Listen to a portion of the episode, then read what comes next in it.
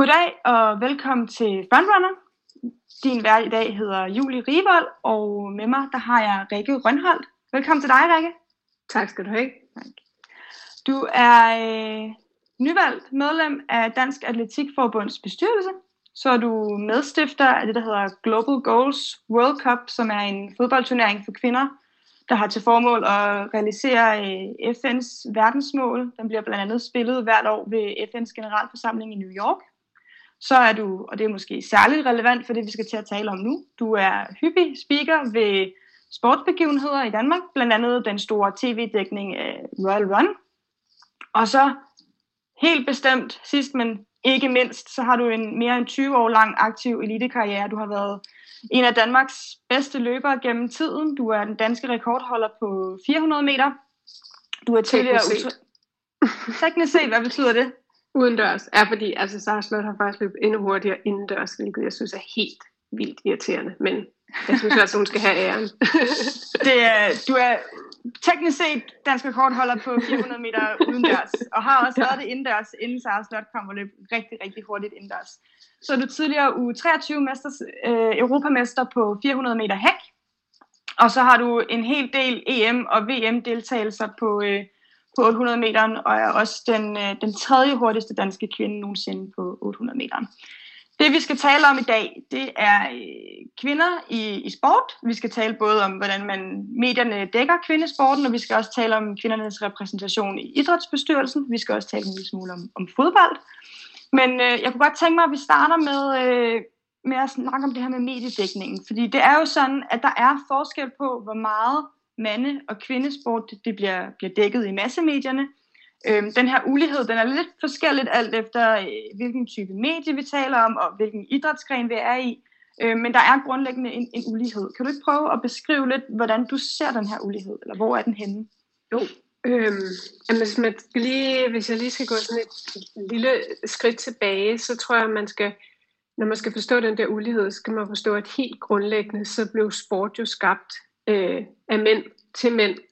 Øh, og, og det var sådan noget helt uragtigt, der basically, altså når jeg tænker på det, så det er sådan lidt, at de skulle finde ud af, hvem der var alfa, øh, uden at man behøvede at slå hinanden ihjel. Og, øh, og det vil sige, at næsten alle idrætsgrene, de er jo designet til, at jo hurtigere og højere og stærkere du er, jo bedre er du. Altså jo større chance har du for at vinde. Og derfor når man så kommer til kvindesport, så er der bare i mangens optik, at det er mindre interessant, fordi kvinder simpelthen, altså i gennemsnit, vi er bare langsommere og mindre og sværere. Altså uanset hvordan man kigger på det, så er det sådan, det er. Når vi så snakker mediedækning af elitesport, og hvorfor, og, eller sport, og hvorfor jeg sådan virkelig har været op, op på barrikaderne og prøve at gøre noget ved det, så er det, at i takt med, at kvinder har er begyndt at deltage i sport, så har de gjort den til deres egen. Og de har jo udviklet sporten, så den også har andre kvaliteter, som gør den lige så fascinerende at se på, om det er kvinder eller mænd, der dyrker det. Øh, og der er, men der er bare stadigvæk en, øh, sådan en skævhed i forhold til præmiepenge og sponsorater og tv-aftaler. Og blandt mange sportsjournalister, så er der stadigvæk en tendens til, at, at du vurderer en nyhedsrelevans ud fra de kriterier. Altså sådan noget med, hvor mange penge er der, hvor mange tilskuere er der og sådan noget. Og så er der også bare vane, at jeg tror, at mange sportsjournalister, de skriver om det, de kender. Og hvis de ikke ved noget om kvindefodbold, så er det svært for dem at se for eksempel de, de spændende historier der. Øhm, men helt grundlæggende, så mener jeg, at medierne har jo til opgave at dække virkeligheden. og virkeligheden er, at øh, der er altså den anden halvdel af verdens befolkning, de også dyrker sport på sindssygt højt plan. Og deres historier er, de skal også fortælles.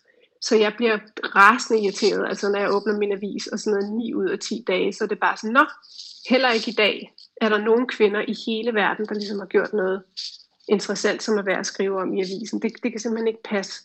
Øh, så der er sådan et, der er virkelig sådan et bias og skævhed i, hvordan vi dækker sport. Du nævnte det her med, at kvinder, øh, at sporten var lavet af mænd, en, til mænd med nogle måske lidt maskuline værdier, men at kvinder med tiden var kommet ind i, øh, i sportsverdenen og havde også ligesom gjort det til deres på en eller anden måde. Kan du uddybe det? Jamen jeg tror, at altså, når jeg for eksempel tænker på, nu er det selvfølgelig fordi, jeg har altså et af de steder, hvor, hvor forskellen nok er størst, eller hvor kampen virkelig er stået, det er i forhold til kvindefodbold. hvor måden, du spiller fodbold på, når du er kvinde, og også måden, du for eksempel er fodboldfan på, hvis du, er, hvis du ser kvindefodbold, er jo simpelthen anderledes. At de er, de er mere tekniske, og de er nødt til at spille mere sammen, og de kan ikke, altså der er nogle af de ting, de ikke kan, men så er der også nogle andre ting, de kan, og, øhm, og det er, en anden, det er ligesom en anden kultur, som, øh, altså det samme også, når man for eksempel ser, ser kvindehåndbold, at der er jo mange, der i virkeligheden foretrækker at se kvindehåndbold, fordi de der mænd, altså de er næsten for store til banen, ikke? Altså det er sådan et stort slagsmål, de ligger bare rodet rundt i tiden, og bliver udvist til højre og venstre, og man kan næsten ikke få lov at nyde spillet, vel, fordi at der er ikke plads. Altså, og, og så, så det der med, at der er simpelthen, det man begynder at se øh, kvindesporten for sin egen skyld, i stedet for bare at sammenligne den med, jamen, øh, hvorfor de ikke skyder lige så hårdt som mænd, eller hvorfor de ikke kan det ene eller det andet. Altså det, det, øh, det synes jeg, det, det er super fedt, når, når man begynder at anerkende kvindesporten for sine egne kvaliteter. Har man måske, jeg hørte også lidt, lidt sådan mellem linjerne sige, har man måske gennem tiden også øhm, undervurderet kvindesporten, fordi man har forsøgt, og, eller man har ønsket at se den i sådan relation til, hvordan mændene dyrker sport, altså som sådan en mini-mandesport, i stedet for at værne noget for sig selv?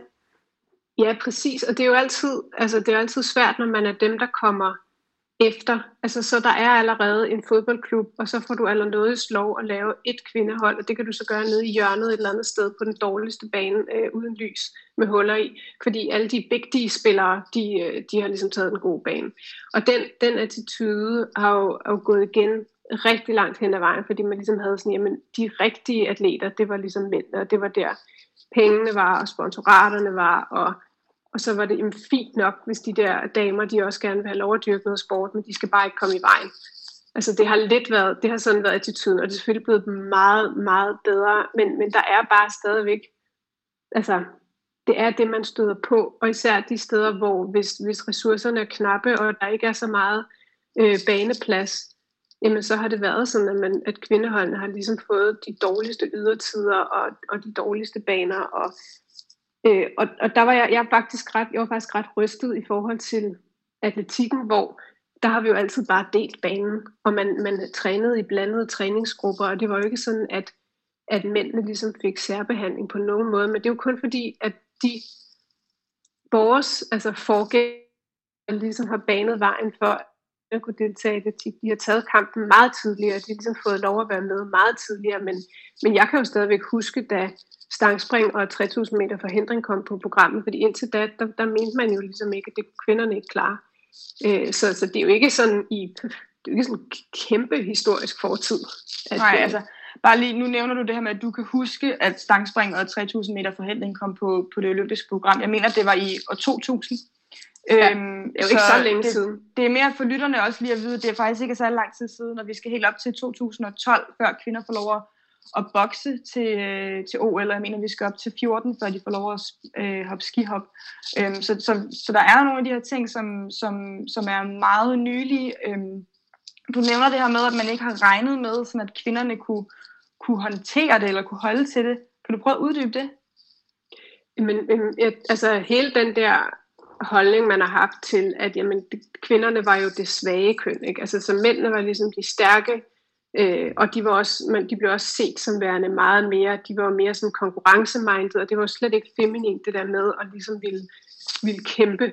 Øhm, og der må jeg så sige, altså hvis man har prøvet at føde et barn, så, øh, så tror jeg godt, man kan lukke den der ned med, at kvinder ligesom er det svage køn. Øh, og jeg tror i virkeligheden, at meget af den der maskuline øh, sådan, retorik omkring sådan noget, du ved, øh, death or glory, og no pain, no gain, og sådan, det, det, det fungerer jo fint nok, fordi mændene kan ikke håndtere særlig meget smerte. Så når man siger det til kvinder, så bliver det sådan decideret farligt, fordi vi bliver bare ved, indtil vi falder om nærmest. øhm, så jeg tror, altså, det, igen, det der med, at det kan godt være, at en kvinde kilo for kilo ikke kan løfte lige så meget som en mand, eller ikke kan sparke lige så hårdt, men vi er fuldstændig lige så seje og, og lige så konkurrencemindet, og vi gør det bare på på, på vores måde, og jeg tror også, at, at det, det feminine bidrager noget til sporten, som, som jo har manglet, også i forhold til, hvordan man som atlet tænker på sig selv, at jeg kan for eksempel se, at hvis jeg, altså jeg blev helt klart belønnet som eliteatlet for alt det, der var, hvad skal man sige, maskulint i mig, altså det, at jeg ligesom, jeg kunne også bare, altså, jeg ville bare vinde lige meget hvad, og jeg var sådan vildt hård ved mig selv, og der var ikke nogen, der sådan sagde, jamen du skal også, altså, du skal også lytte til din krop, og du skal jo drage omsorg for din krop. Øh, du kan ikke bare, altså det er ikke sådan noget med, at jamen, jeg kan huske en gang, altså jeg løb for eksempel junior EM, hvor jeg, jeg løb på et træthedsbrud, som jeg bare tabede op, fordi jeg ville bare have den der medalje. Og, og jeg tror simpelthen, at hvis der havde været, hvis jeg havde haft nogle kvindelige trænere tæt på mig, der kunne sige, prøv at høre, og det, er ikke, det kan også godt være, at en mandlig træner kunne have gjort det, men jeg tror, det er sådan en, det er sådan en, en værditing, hvis der var nogen, der havde tænkt mere langsigtet, og måske faktisk sådan mere bæredygtigt i forhold til, men det er jo ikke som 15-årig, du skal toppe for fanden. Altså, men det kunne jeg slet ikke se. Altså, det var bare nu og her. Jeg skulle bare, altså, skulle bare banke nogen. Mm. så, så, så jeg tror, at, vi, at det, at kvinderne kommer med i sporten, det, det bidrager simpelthen til kvaliteten af sporten. Øhm, ja, noget af det, som, som jeg også gerne vil tale med dig om, nu talte vi jo, da jeg introducerede dig, fortalte jeg, at du har været hyppig speaker ved rigtig mange sportsbegivenheder. Og en af de sportsbegivenheder, du har været speaker ved, det er, eller idrætsbegivenheder, kan måske nærmere sige, for det er også et bredt arrangement. Men det er jo Royal Run, øh, mm. hvor du har været speaker øh, blandt andet i, i 2019, hvor Royal Run også fungerede som danske mesterskaber på 10 km landevej. Og det er blevet diskuteret eller sådan, talt om før her i, i nogle tidligere frontrunner-udsendelser, at transmissionen af, af, af det DM, det var, det var stort set kun mændene, der blev vist. Det var stort set kun mændene, der blev talt om, og det blev, jeg tror, blev kort nævnt, da Laura Valgren, hun lige blev løb ind over, over målstregen som vinder i en, en i øvrigt enormt flot tid for, for sin alder på det tidspunkt. Øhm, og det er blevet ret sådan meget kritiseret i atletikmiljøet efterfølgende, at der var en, en meget tydelig ulighed i dækningen af det DM, øh, hvor, hvor herrerne fik enormt meget mere opmærksomhed end kvinderne. Og jeg, jeg synes, det var oplagt at, at spørge dig, fordi du faktisk var med øh, som speaker på det her, øh, det her løb, og spørge dig, hvad, hvad er årsagen til, at netop det løb det blev dækket så ulige? Øhm, ja, og jeg vil sige, altså først og fremmest, så, øh, så synes jeg også, det var sådan helt vildt uheldigt og, og synd for de kvinder, som løb en, øh, en super stærk 10.000 meter, at de ikke fik mere opmærksomhed. Øh, og jeg var også sådan selv, jeg sad bagefter og tænkte, hold nu kæft, altså der kunne jeg godt have været lidt mere om, og jeg sad på sådan en app og prøvede at følge med på deres mellemtid, om sådan nedenunder bordet, du ved, i studiet. Ja. Øhm, men men øh, det, jeg tror, man ikke skal tage fejl af, det er, at øh, for TV2, for det første var TV2 en bredde kanal. Og, og Royal Run, altså det var noget, der gik op for mig, hvor jeg havde ligesom sådan en, en øh, diskussion med Ulla Terkelsen, fordi de ser jo ikke Royal Run som en sportsbegivenhed. De ser det som en royal begivenhed. Og, og dem, der sidder og ser det, altså 90% af dem, der sidder og ser Royal Run, de synes det allermest spændende, det er hele tiden at se, hvad kronprinseparet laver. Øhm, så det skal man ligesom have med i regningen, når man så tænker over, hvordan de dækker det. Fordi det var, jeg synes jo på en måde, at det var helt vildt fedt, at vi fik mulighed for at holde et DM 10 km, hvor, hvor der var masser af tilskuere og, og, og masser af opmærksomhed, i stedet for at det ligesom sådan går helt ubemærket hen, som det som regel ellers gør. Øhm, og, men, men der kan man også sige, at, at selve produktionen af det program var slet ikke givet til at ligesom skulle følge to forskellige atletikfelter, øh, fordi det var ikke det, der var den, det var ligesom ikke det, der var det primære formål med programmet, så de sad jo under 10 km og skiftede rundt, og her står kronprinsessen, og her sker det der, og de, det var, de har jo 27 forskellige øh, kameraer i gang alle mulige steder, og stakkels Laura, hun, hun druknede simpelthen lidt, også i et sådan et hav. Laura Valgren, som, som ja, Laura Valgren, ja hun druknede i sådan et hav af, af mandlige motionister, at de, det var virkelig svært at, at følge med i, hvor hun var henne.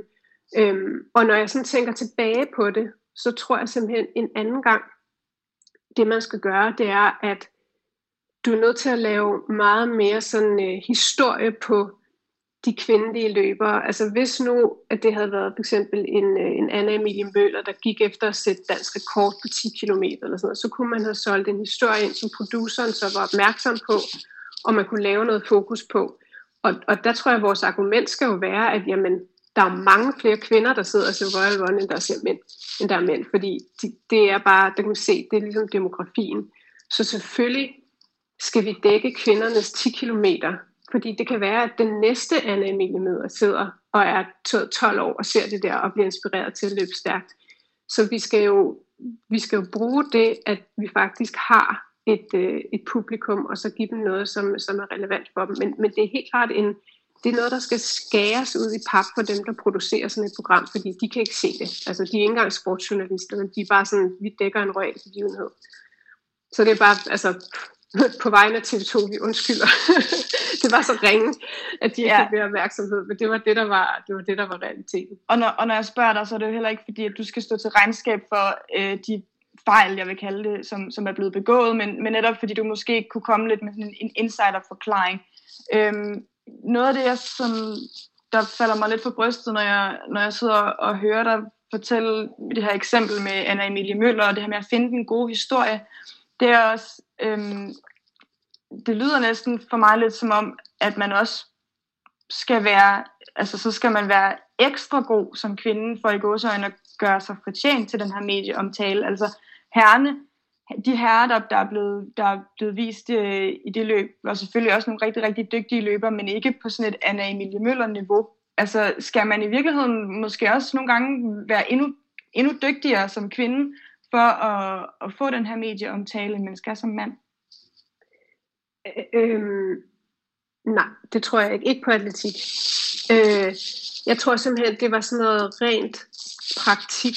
Altså hvis kvinderne var blevet sendt afsted først, og det var dem, som, øh, øh, som, som kronprinsen cyklede foran, eller hvad det nu er. Altså det, det var simpelthen, jeg tror simpelthen, det var sådan lidt dogenskab. Men det var dem, der løb forrest, og så kunne man forholde sig til dem, og, øh, og så, så kunne man ligesom kommentere på, Øh, hvem, hvem der nu var ved at vinde. Og det er sådan lidt tilbage til den der øh, hurtigere, højere, vildere, at, at man kommenterer på dem, der ligger forrest i løbet, og kvinderne og mændene startede samtidig og kvinderne lå bare langt ned i feltet, og derfor så fik de ikke særlig meget opmærksomhed.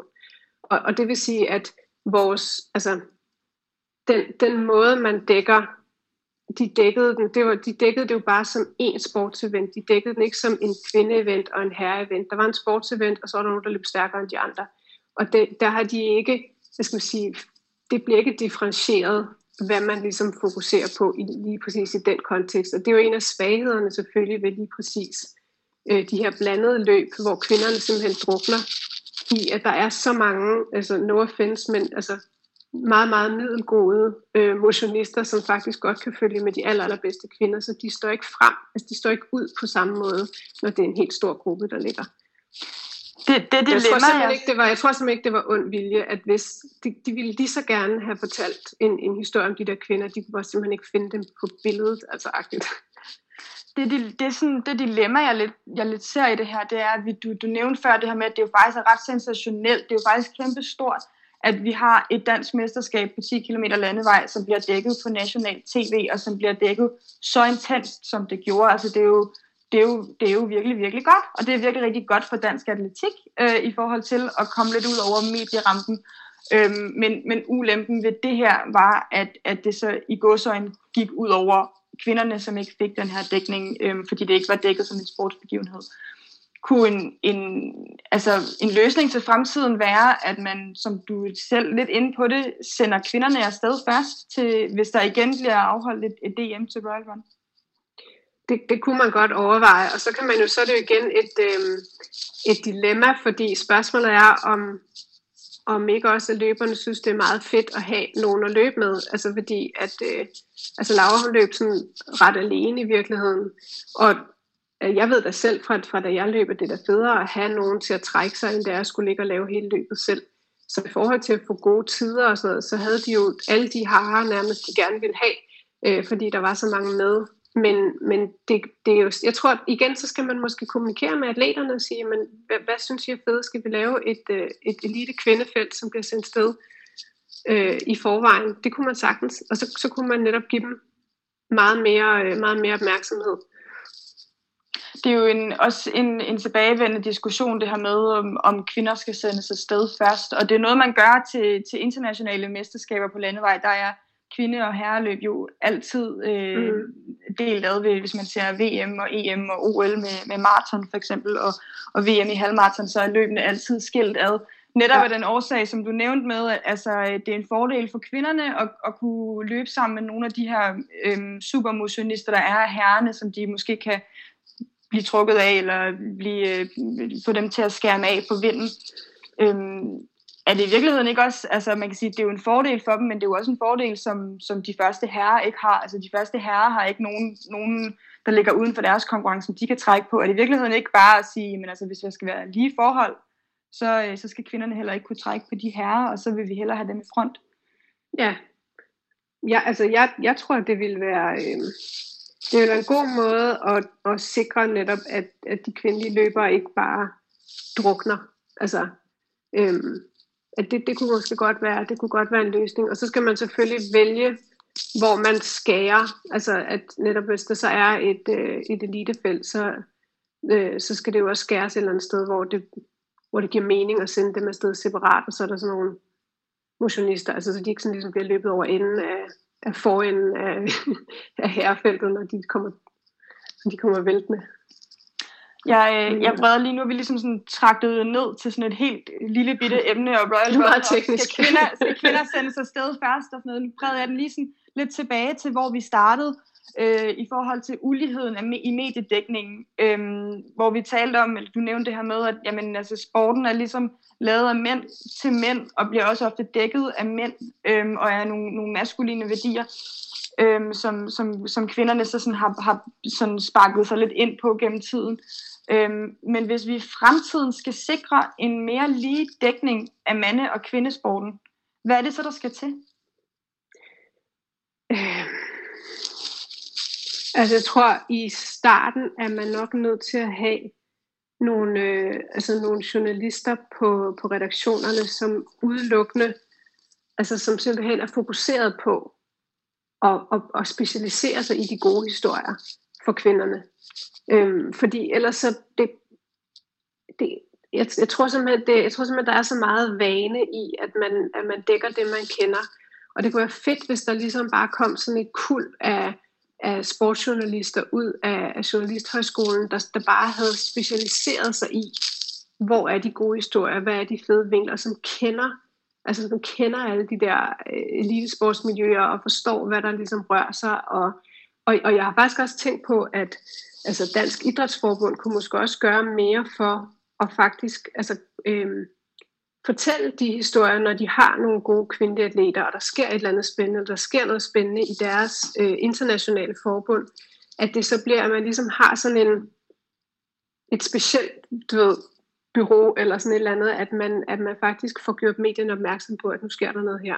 Fordi det drukner, altså hvis ikke, hvis ikke man er opmærksom og pusher det fordi jeg tror, at det ikke er nødvendigvis ond vilje, at øh, de der sportsredaktioner, de ikke dækker øh, kvindesport. Jeg tror simpelthen, de er bare ikke opmærksom på, at der sker noget. De ved ikke, hvad historien er.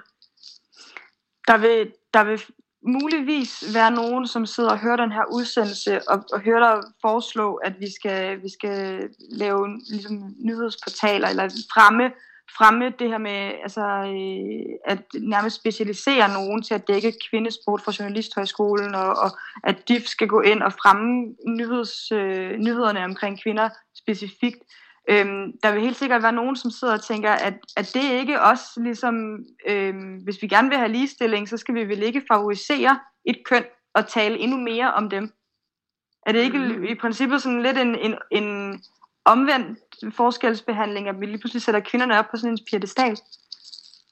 Mm, Forstår du mit spørgsmål? Jo, jo, ja, ja, det er sådan tilbage, det er sådan helt kvoteagtigt. Øh, jeg, jeg tror, øh, altså ligesom, ligesom du har øh, Tysklands korrespondenter, eller du ved, nogen, der ligesom ved noget om et område, som ikke er sådan alment, lige så alment kendt. Og derfor så har du nogle specialister, som ligesom er med til at sige, ligesom øh, fortælle, jamen nu, nu sker der det her.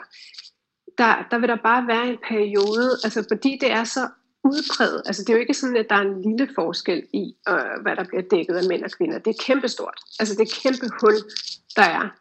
Og, og der tror jeg godt, at man kunne gøre en sådan lidt mere proaktiv indsats, øh, for i hvert fald at, altså jeg, jeg ved, det, det er også underligt, fordi jeg tænker bare, at der er simpelthen så meget spændende øh, kvindesport, der foregår i verden hele tiden. Men af en eller anden grund, så er det bare, det, det synes medierne simpelthen ikke er lige så vigtigt at dække. Men, men jeg tror nogle gange, at de simpelthen skal stoppe den der historie ned i halsen. Altså, så de ikke kan lade være med at dække dem. Øh, og det er, ja, så lige, lige på det der område, der synes jeg faktisk, at der er man måske nødt til at lave sport, forskelsbehandling. Og det er jo tilbage til den der med, at vi har jo, vi har jo lige mange medlemmer. Altså, der er jo lige så mange kvinder, der er medlemmer af, af idrætsforeninger, som der er mænd. Så det vil sige, at der er jo lige så mange kvinder egentlig, man kunne antage, som også ville synes, det var spændende at faktisk læse om, om sport. Men hvorfor kan de kun læse om herresport? Altså, hvorfor, hvorfor kan, og tilbage til den der også, øhm, vi snakkede i, øh, i, i et andet program, snakkede om det der med rollemodeller. Så, så vores næste kvindelige sportsstjerner, de åbner avisen hver dag, og så ser de, at der er ingen kvinder, der dyrker sport. Heller ikke i dag. Altså, det, det er så sjældent, at der er de der historier, hvor de virkelig selv kan spejle sig i Gud. Hende vil jeg være. Altså, de, de får et indtryk af, at elitesport, det er noget, mænd dyrker. Og det er noget, det, der bliver kun skrevet om mændene. Øh, så så der, det er simpelthen et problem, som, som jeg synes, vi godt må have en holdning til, også sådan som, som sportssamfund, fordi vi faktisk gerne vil, at kvinderne skal, være, skal dyrke sport, og skal være, vi vil gerne have de kvindelige stjerner også. Jeg hører dig næsten lidt sådan mellem linjerne svare på det her spørgsmål om, at, at øh, altså, om det ikke er forskelsbehandling, at man ligesom har så meget fokus på kvinderne, at i og med, at der i forvejen er ekstremt stor ulighed i, i dækningen, altså der er meget større fokus på mændene, så vil det egentlig ikke være en, en forskelsbehandling i den forstand, men det vil egentlig være, at man, et, man gør en ekstra indsats for at, at forsøge at skabe en lighed i dækningen. Ja, altså man kan sige, lige pt. er der jo en kæmpe forskelsbehandling i, i herresporten. Altså fordi det, det er jo ikke sådan objektivt øh, set, at det er vigtigere at dække herresport end kvindesport nødvendigvis. Altså det, det er jo sådan det er jo en vurdering, man laver som, øh, som redaktion af, hvad er aktuelt og hvad er relevant for vores læsere. Øhm, og, og så er det selvfølgelig, kan man sige, jamen der er flere mænd, der læser, der læser sportssektionen. Jamen det kan også godt være, at der er flere mænd, der læser sportssektionen, fordi der kun bliver skrevet om herresport. Altså så det er sådan, hvad er hønen og ægget, og, og kunne man jo måske nå ud til nogle nye målgrupper ved faktisk at udvide sit øh, repertoire. Øh, det går der jo ikke noget af, af herresporten ved. Altså det er bare, at der kan være, at der er nogle nye, der begynder at synes, at det er spændende at læse om sport. Det leder faktisk næsten, du har næsten svaret lidt på mit næste spørgsmål, fordi noget af det, som jeg har diskuteret det her med en, som, som egentlig stod mig ret, står mig ret nær, men som sagde til mig, at øh, amen, altså, det var da vigtigt nok det der med at få, få dækket kvindesporten også, men problemet var bare, at, øh, at hvis man dækkede kvindesporten mere, så var der ikke nogen, der ville, øh, der ville læse aviserne, og der var ikke nogen, der ville følge med. øh, hvor, hvor, hvorfor skulle, altså så sådan noget med, at du åbner din avis, og så er der en, en historie om, om en kvindeatlet, og så, så bliver du simpelthen så rasende, så du ligesom kyler avisen hen i hjørne og, og nægter at læse den, eller hvad? Altså, det er jo sådan, det, det er jo, altså hvis der, hvis der er en artikel, du ikke synes er spændende, så, så går du ligesom videre. Men, øhm, men det kunne også være, at du endte med at læse den og synes, at det var spændende. Men jeg tror bare, altså vi holder jo ikke op med at dække herresport af, at vi også dækker kvindesport. Altså det, du kan bare risikere at få, øh, få flere læsere. Det ville jo være helt forfærdeligt. Ja, det lyder som om, at du også du fortæller det her med, at det kunne være, at man egentlig bare nåede et, et nyt segment. Ikke? Øhm, jeg går lige lidt videre. Øh, vi bliver lidt ved, ved fodbolden. Vi har været inde hos fodbolden før, men du har jo været, øh, været medstifter på det her Global Goals World Cup. Kan du ikke prøve mm-hmm. at mhm. fortælle, hvad det er, og hvordan det er startet? Jo, øh, det startede egentlig med, at øh, Danmark i, i 2016 var vært for det, der hedder Women Deliver, som er verdens største øh, sådan en konference for piger og kvinders rettigheder.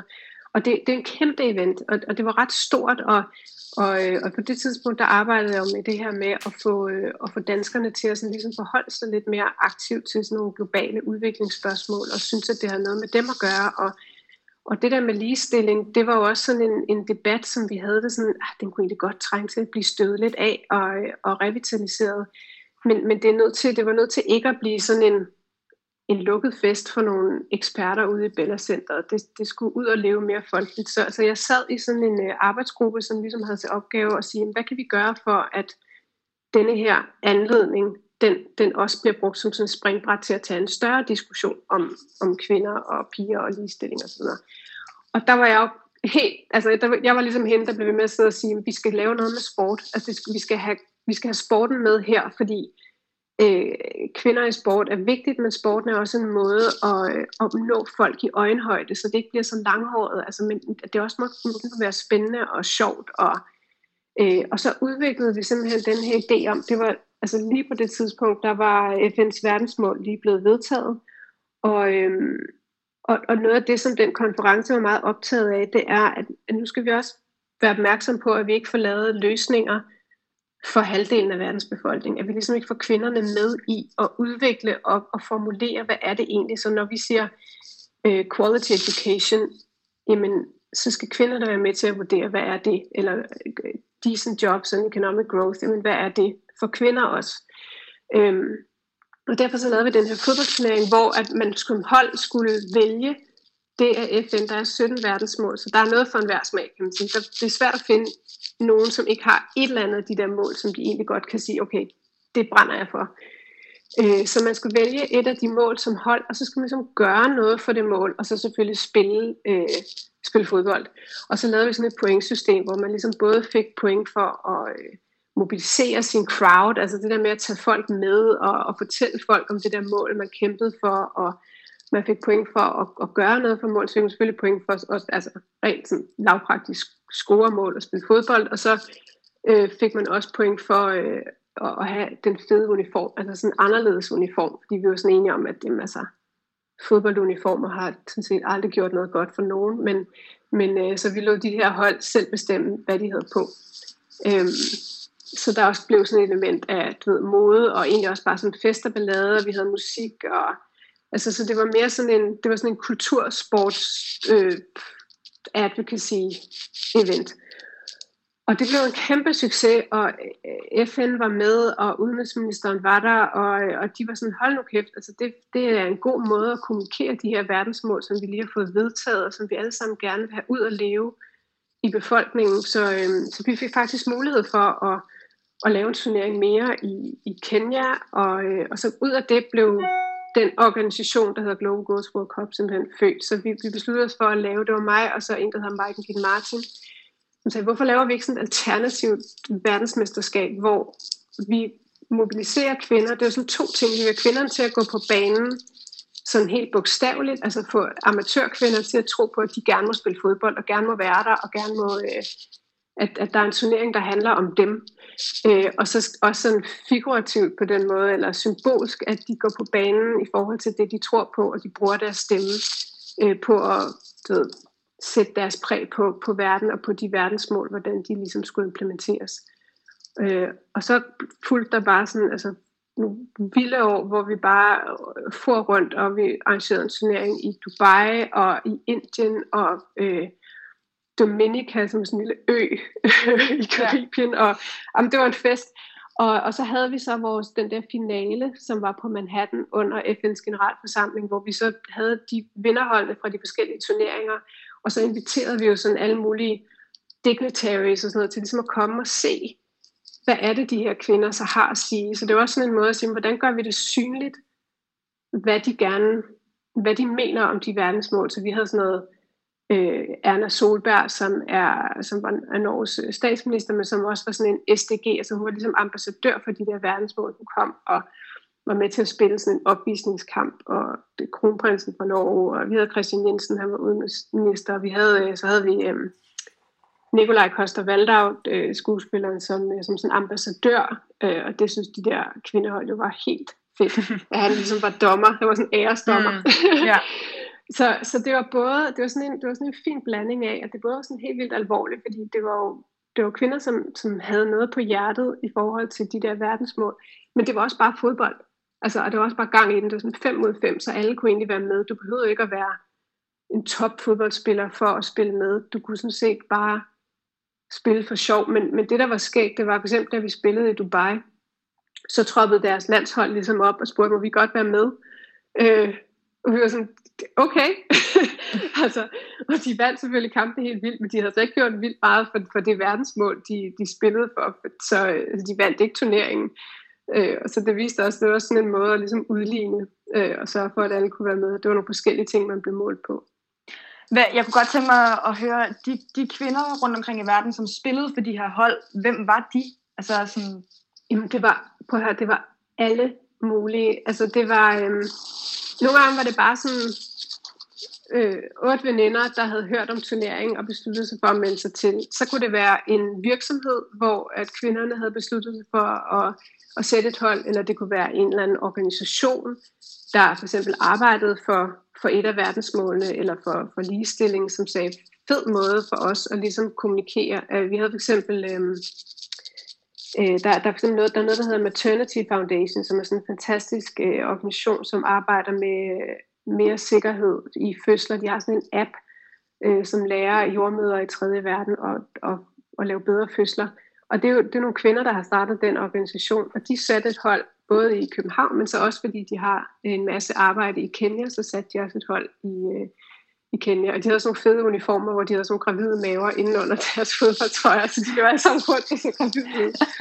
øhm, og, øh, og for eksempel også i Kenya, der havde vi deres... Øhm, der var altså ampu, deres amputee national team, altså deres, deres landshold for, for amputeret i fodbold, deres kvindelandshold, de spillede med i turneringen, og de manglede jo alle sammen, enten var de i rullestol eller på krykker, og, og de var altså super skarpe. De, jeg tror, de nåede kvartfinalen. Øhm, og, og det, der var cool, var, at de spillede jo ikke for sådan noget med øh, sundhed eller menneskerettigheder eller sådan noget. De spillede for, for det verdensmål, der hedder Life on Land, altså som handler om at beskytte miljøet og beskytte biodiversitet og sådan noget. Det var det, de synes var mest vigtigt.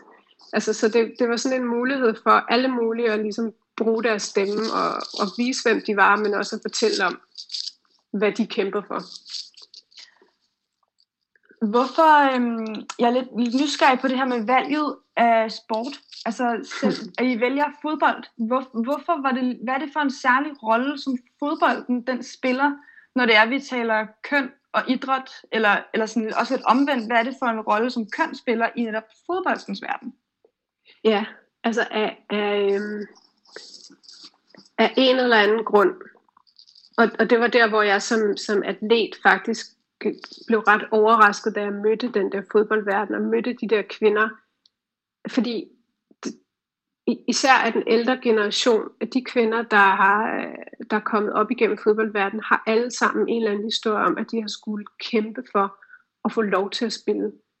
Altså, at, at lige præcis i fodboldens verden, jeg ved ikke hvorfor, at det, er, det, det har ligesom været så meget et, et mandedomæne, og det, det er en af de få idrætsgrene, hvor der simpelthen er folk, der sådan helt uden at blinke, bare øh, siger, at kvindefodbold, det skal bare ikke, jeg skal ikke bede om, at de skal bare ud af min bane, ud af mit fjernsyn, ud af min verden. Øh, og jeg ved faktisk ikke, hvorfor, at, øh, at der har været så meget sådan, modstand, og hvorfor det har været så hårdt øh, for kvinderne at få lov til at spille fodbold, fordi der, der er jo så mange, altså nu jeg tror, det er den hurtigst voksende idrætsgren for kvinder i Danmark, det er virkelig, det er, små piger synes, det er mega fedt at spille fodbold. Jeg har også spillet fodbold i folkeskolen. Vi løb rundt, og, men det der med, at op på det højere niveau, der har det været en, øh, der har det simpelthen været en kamp. Og derfor så var det også et relevant, en relevant sport at vælge, fordi der er så meget symbol i at lave en turnering kun for kvinder. Og, og det var ret interessant, at, at i starten, altså det første spørgsmål, vi fik, når vi ligesom snakkede med sponsorer eller partnere eller sådan noget, så var sådan, hvorfor, øh, hvorfor må mænd ikke være med? Øh, er det ikke diskriminerende? Øh, og vi havde det sådan, jamen, altså, undskyld, er der ikke bare et sted, de godt må have lov at have banen for sig selv? Bare et sted. Altså. Og så efter, det var meget skægt, som tid gik, så blev det argument, altså det blev ligesom mindre, mindre relevant. Øh, men, men det var, det fyldte bare ret meget. Du nævnte det her med, at du, du mente, at fodbolden var, øh, var en af de idrætsgrene, der for kvinder som voksede mest. Øhm, og jeg har, øh, jeg har set øh, et tv-program, som hedder Fordi du er kvinde på Danmarks Radio, som handler om, øh, om det er sådan en programserie, som handler om alle mulige forskellige felter, altså øh, kunst og politik og, og også øh, og sport, hvor kvinder ligesom har været, har været lidt, lidt i gåsøjne bagud. Og du er med i et afsnit øh, af den her øh, serie, som hedder, øh, altså fordi du er kvindeserien, og afsnittet det hedder Livet er for kort til kvindehåndbold. Og det er et afsnit, som handler om, om øhm, sådan kvinders historiske øhm, indtog på, på, i sportens verden. Og der taler du om, netop om fodbolden, og du bruger det, du kalder sådan markedslogikken til at føre ind over fodbolden øhm, og forklare, hvad det er for nogle fordele, der faktisk er ved at skabe ligestilling i sportens verden. Fordi en ting er, at ligestilling jo er, er øh, noget, som vi nok alle sammen kan blive enige om, er en, en sådan god idé, fordi det er retfærdigt. Men du, du nævner også nogle sådan ret konkrete fordele øhm, i forhold til det her markedslogik. Kan du prøve at, øh, og, og sådan forklare, hvad det går ud jo. på? Jo, og det er, øh, altså det er jo det, der sker også, når, øh, fordi selvfølgelig jeg kommer fra den der erhvervsverden, øh, og, og det er i virkeligheden et argument, som, som jeg først har hørt øh, en, der hedder Birgitte Ladefod, komme med, som, øh, som har været øh, ungdomslandstræner for kvinder, og, øh, og som også har siddet i den her kvindekommission. Men hun kommer også fra sådan en stor øh, altså industrivirksomhed, og hvor hun bare siger, at jeg forstår simpelthen ikke det der med, at, at, øh, altså, at øh, Dansk Boldspilunion ikke er interesseret i at investere i at udvikle kvindefodbolden fordi det er det største, altså herrefodbolden er jo sådan et fuldstændig satureret marked, ikke? at alle små drenge starter ligesom til fodbold før eller siden, så vi har ikke noget problem med at rekruttere eller fastholde drengene, men vi har et kæmpe marked af, af piger, som jo, vil, som jo er lige så købedygtige, lige så, altså lige så relevante er sponsorerne, som sælger produkterne til, til kvinder. Øhm, så hvorfor ikke investere i det marked, hvor der er et vækstpotentiale, i stedet for at blive ved med at hælde penge i det marked, hvor vi allerede har hele, altså kæmpe markedsandel. Selvfølgelig skal man vedligeholde sin position, men det er bare meget mere interessant at kigge på, hvor er vækstmulighederne. Øh, og, og der er ligesom sådan en, åbenbart stadigvæk, altså der er lidt stadigvæk sådan en, en blindhed i forhold til, at jamen, kvindelige atleter og kvindelige sportsfans er jo et lige så købedygtigt og lige så stort potentiale for øh, at udvide sig, som, som mænd er. Så, øh, så øh, det var sådan, det er, der, det er der i logikken ligger, og det, det kan man ikke rigtig, det kan være svært at forstå, synes jeg. Er der, øh, er der også noget i forhold til sådan selve kampafviklingen, altså det her med at komme, komme til en fodboldkamp, er der også forskel på, hvordan det er at komme til en fodboldkamp, når man kommer til en herrekamp, eller man kommer til en kvindekamp? Også i forhold til, hvad der foregår uden for stadion. Ja, altså jeg tror, nu må jeg indrømme, at jeg, ikke sådan, jeg har ikke været til mange øh, herrefodboldkampe. Jeg har tit løbet igennem fældeparken, når der lige skulle til at være fodboldkamp, og det skulle jeg helt sige, det er ikke nogen sådan overvældende fed øvelse, at der er blevet smidt øldåser efter mig og sådan noget, og råbt og skræddet. Så, øh, så jeg har nogle gange syntes, at jeg tænker, kæft mand, de der fodboldfans, det er simpelthen det ultimativt, altså når mænd er værst, når de ligesom er forgejlet sig op til sådan en fodboldkamp. Og der, der vil jeg bare sige, altså det er jo sjældent, at man hører om, at der er sådan slagsmål og huliganisme til rundt om de der kvindekampe. Altså jeg tror simpelthen, at det er, man går til dem med en, med en mere, øh, altså mere for at se fodbolden, altså end, end nødvendigvis at bare have de andres fans, eller du ved, lave ballade på, øh, på tilskuerpladser. Nu simplificerer jeg jo helt vildt, fordi mm, sådan er alle fodboldfans mm. overhovedet ikke. Nej, nej. Men, men jeg tror, at der er en mulighed for os at skabe en, altså måske en anden, og sådan lidt mere øh, rolig, altså, eller hvad skal man sige, jeg ved ikke, altså bare en, en anden slags kultur rundt om det, også som du siger, altså ved, øhm, altså når der sker noget med en gruppe med diversiteten, så bliver det jo også et andet udtryk, det får. Og det øjeblik, at der begynder også at komme mange flere øh, kvinder på stadion, så, øh, så tror jeg også, at det vil gøre noget ved altså den der, altså de ting, man hører om, hvor, der er, hvor folk er voldelige, og, og det stikker helt af.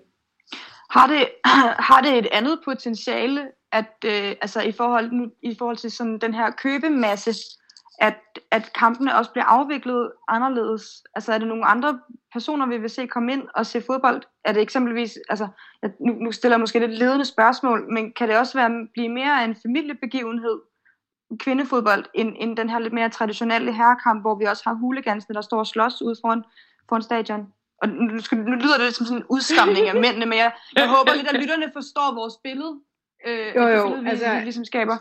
Øh, jeg, jeg, tror, jeg, jeg tror ikke, man skal tage fejl af, at der er mange klubber, hvor det at se fodbold faktisk er en familiebegivenhed, og man tager sine børn med på stadion. Så, så man skal ikke sådan skære alle øh, herrefodboldfans over en kamp. Men, men jeg tror da, at, øh, at det, igen, altså det er bare det med, at du breder det ud, altså så du gør det måske tilgængeligt for, for nogle flere. Altså at du, at, og, og også det der med, at du måske kan få unge kvinder til at synes, at det er fedt at bare tage sammen til fodboldkamp fordi måske det er nogen, de kender, der spiller, eller at de kan bedre spejle sig i, i dem, der spiller på banen, øh, og, og måske er fan af dem. Øh, og det er, jo, det er jo vildt at tænke på, at, at det er først, altså den generation, der vokser op nu, er den første generation, som er på fornavn med de kvindelige fodboldfans. Altså, så de kan løbe på banen og sige, ja, ja, så skyder over til Nadim, og det er Harder, der har bolden, og du hun dribler. At de har de har nogle stjerner, som ligner dem, øh, som de kan spejle sig i, hvor dengang jeg spillede fodbold, der var det sådan noget, El ind over, det er mig, der er Maradona. Altså, hvor så det, alle pigerne løb rundt, og de var også Elkær og Laudrup, fordi de har aldrig hørt om nogen kvindelige fodboldspillere. Øh, så, så jeg tror igen, altså det er bare, øh, det, er, det er så vigtigt for, hvem det er, der føler, at de godt kan være en del af sporten, at vi gør det synligt, og at vi, øh, altså at vi bruger den magt, som, som også de der altså topholdene og, og mediedækningen har. Vi har været tidligere inde på i dag, at, at øhm, der, er lidt, der er ulighed generelt i, mellem kønnene i sportens verden, men at det nok er, er måske fodboldens, hvor den er mest tydelig, og så er atletikken måske en, en sport, hvor, hvor det er lidt mindre tydeligt. Du nævnte det her med, at kvinderne er med ind på banerne. Vi deler banerne i samme træningsgrupper, har ofte også den samme træner, altså kvinder og mænd. Øhm, mm. Men er der nogle henseender, hvor atletikken stadig halter lidt bagud i forhold til, til ligestillingen? Jo, altså, der er jo ingen tvivl om, at det gælder hele idrætsverdenen, at lige så snart du kommer op i de højere idrætspolitiske lag, så, øh, så forsvinder kvinderne. Og, og, det er, og det er jo det samme, kan man sige, i erhvervslivet. I erhvervslivet er der måske endnu mere fokus på det, øh, end der er i, i idrættens verden. Og jeg tror, en del af det er måske også, at den der, altså hele det der idrætspolitiske i rigtig mange foreninger, der er det jo frivilligt arbejde. Så det vil sige, som kvinde, der skal du ligesom vælge mellem at øh, komme hjem i ordentlig tid og få købt ind og putte dine børn og øh, sidde med i øh, skolebestyrelsen eller hvad det er. Og, og hvis du så ligesom også ud over det skal sidde med i bestyrelsen for din, din idrætsklub. Så, så det, jeg tror, der er sådan simpelthen der er sådan en naturlig fordeling, der sker, og det vil så sige, for at blive øh, for ligesom at, at komme ind i, øh, i sådan en, øh, altså i bestyrelserne og, og så videre for, øh, for de foreningerne, så, så sker der sådan en, der sker ligesom bare sådan en udvandring, at der er ikke så mange kvinder om budet, og så bliver det virkelig tyndt. Og så ender man med, at der sidder nogle, øh, no offense, men der er bare rigtig, rigtig mange midalderne mænd, når man kommer op i toppen, som mener, at de ved alt om alle sager, og, og de sidder jo så, altså, så kan man sige, hvorfor er det et problem? Fordi de har jo selv rakt hånden op, og igen, hvis det er frivillighed, så må det være dem, der er der, som bliver valgt. Uden at bare, de sidder og tager beslutninger for, for hele øh, atletikmiljøet, og så, som er lige mænd og kvinder, og de har måske ikke altid så meget indsigt i, hvordan øh, virkeligheden er for, øh, for de kvindelige atleter. Så det er igen den der med, det er jo et spørgsmål om diversitet, at man får altså nogle bedre beslutninger, når man har en diversitet i dem, der tager beslutningerne. Så det jeg også hørt dig sige, det er, det er, og det er måske også vigtigt for mig lidt at, at sådan få understreget, men at, at det er jo ikke, nu, nu har de, de seneste sådan, 10 minutter af vores samtale har godt kunne lyde lidt som om, at, at vi bare hater på, på mandlige fodboldspillere, og de er alle sammen nogle hooligans, og vi skal ikke have mænd i bestyrelser, det er jo ikke sådan, det er, men, men det jeg hører dig sige, det er, at, at diversiteten ligesom i en, i, en, i en bestyrelse også gør, at der bliver truffet nogle beslutninger, som, som afspejler, altså hvis, en, en bestyrelse øhm, afspejler den gruppe af mennesker, som de tager beslutninger for, så er det på den måde nogle beslutninger, som også øh, til gode ser hele den gruppe, i stedet for en, en enkelt del af gruppen. Altså man kan jo, øh, et, et sådan helt lavpraktisk eksempel på, nu øh, øh, i, i et andet program, der snakkede vi om det der med, at foreningerne, altså klubberne, deres faciliteter er måske ikke sådan de lækreste i verden, og det er også noget det, der gør, at man måske taber nogen til, øh, til fitnessverdenen. Øh, og det er jo på et eller andet sted, så sidder der jo nogen og tager nogle beslutninger om, skal vi investere i at renovere øh, badefaciliteterne for eksempel, eller skal vi investere i at gøre, at der bliver gjort rent i vægtlokalet.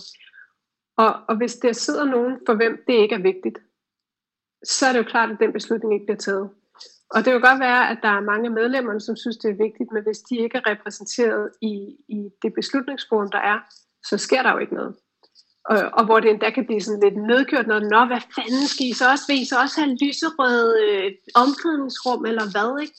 Og vi sådan, jamen, det kan da godt være, det kunne da være meget fedt. altså, ja. altså, det gør mig jo ikke til en mindre atlet, at jeg gerne vil gå i bad et sted, der er rent. Altså, det er jo ikke sådan som om, at jeg er mindre seriøs som min sport, eller øh, ved, mindre værdig til at være medlem af den her klub, at, at det faktisk betyder noget, om der bliver gjort rent i vægtlokalet.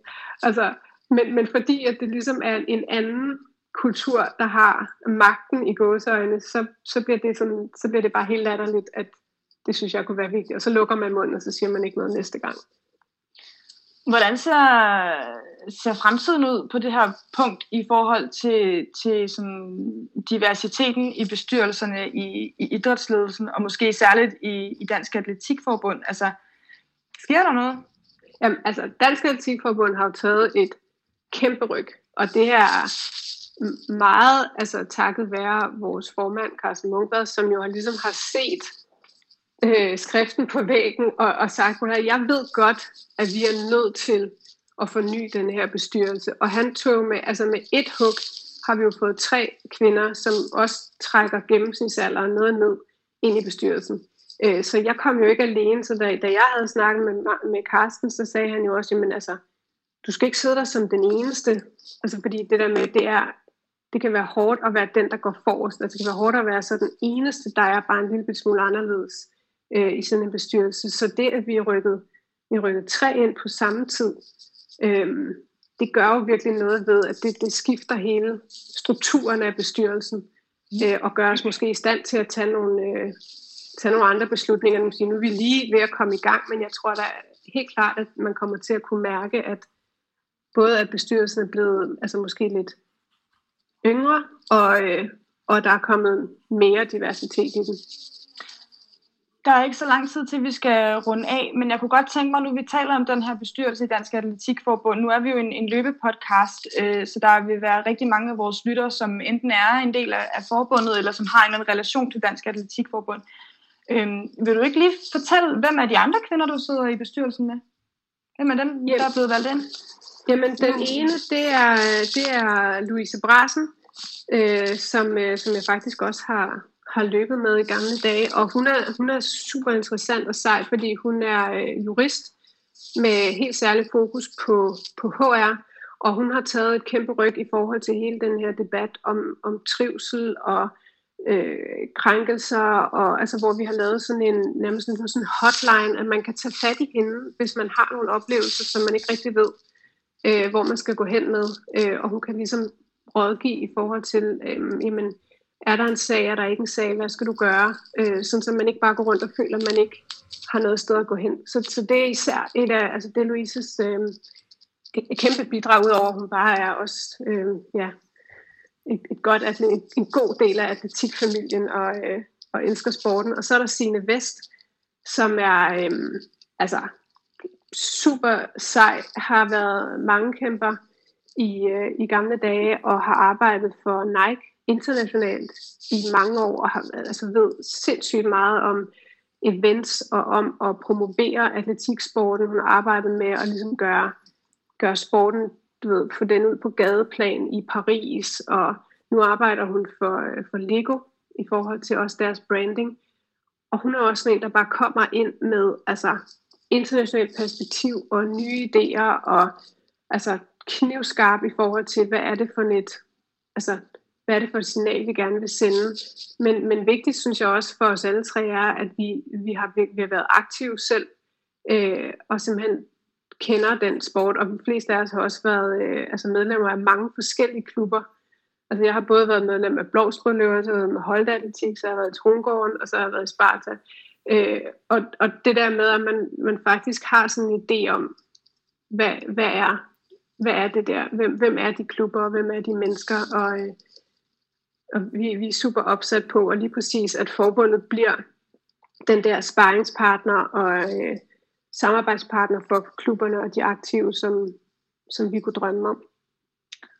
Jeg kan jo høre, at Dansk Atletikforbund med, med sin, sin, sin nyvalgte bestyrelse her øh, er blevet væsentligt bredere repræsenteret, både i forhold til køn og alder, og i forhold til, hvor, hvilken baggrund man har inden for atletikken, og hvor i landet man kommer fra, og, og, og mange flere idrætsforeninger, der er blevet repræsenteret. Jeg synes, at vi med, med, med, sådan, med, med den opløsning fra dig, skal, skal ligesom runde, runde udsendelsen af her.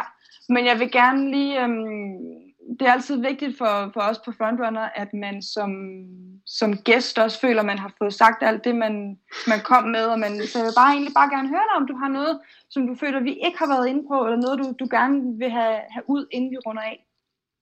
Øhm, det jeg faktisk gerne vil have ud, det er, at jeg synes, det er så fedt, at Frontrunner findes. Øh, fordi jeg synes, det er, det er så vigtigt at have nogle medier, som nørder helt ned i sporten. Altså sådan virkelig øh, dækker det, der sker. Og, og netop, altså nu har vi haft den her diskussion om medierne, og hvad medierne egentlig, hvad lægger de mærke til, der er historier. Og for nogle af os, så de historier, der er, de, de når, som vi synes er spændende, men de når aldrig ud til medierne. Det, det er ikke øh, mainstream nok.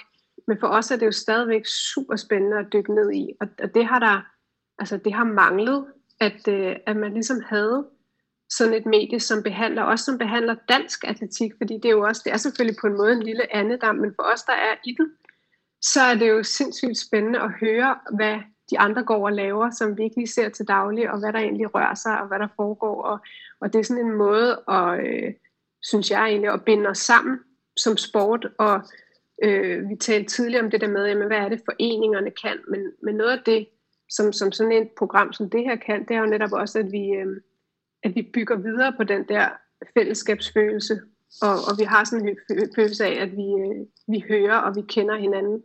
Øhm, så jeg vil bare sige, at jeg synes, det, det er et super fedt initiativ. Og det er tak, jo nogle, fordi jeg måtte være med.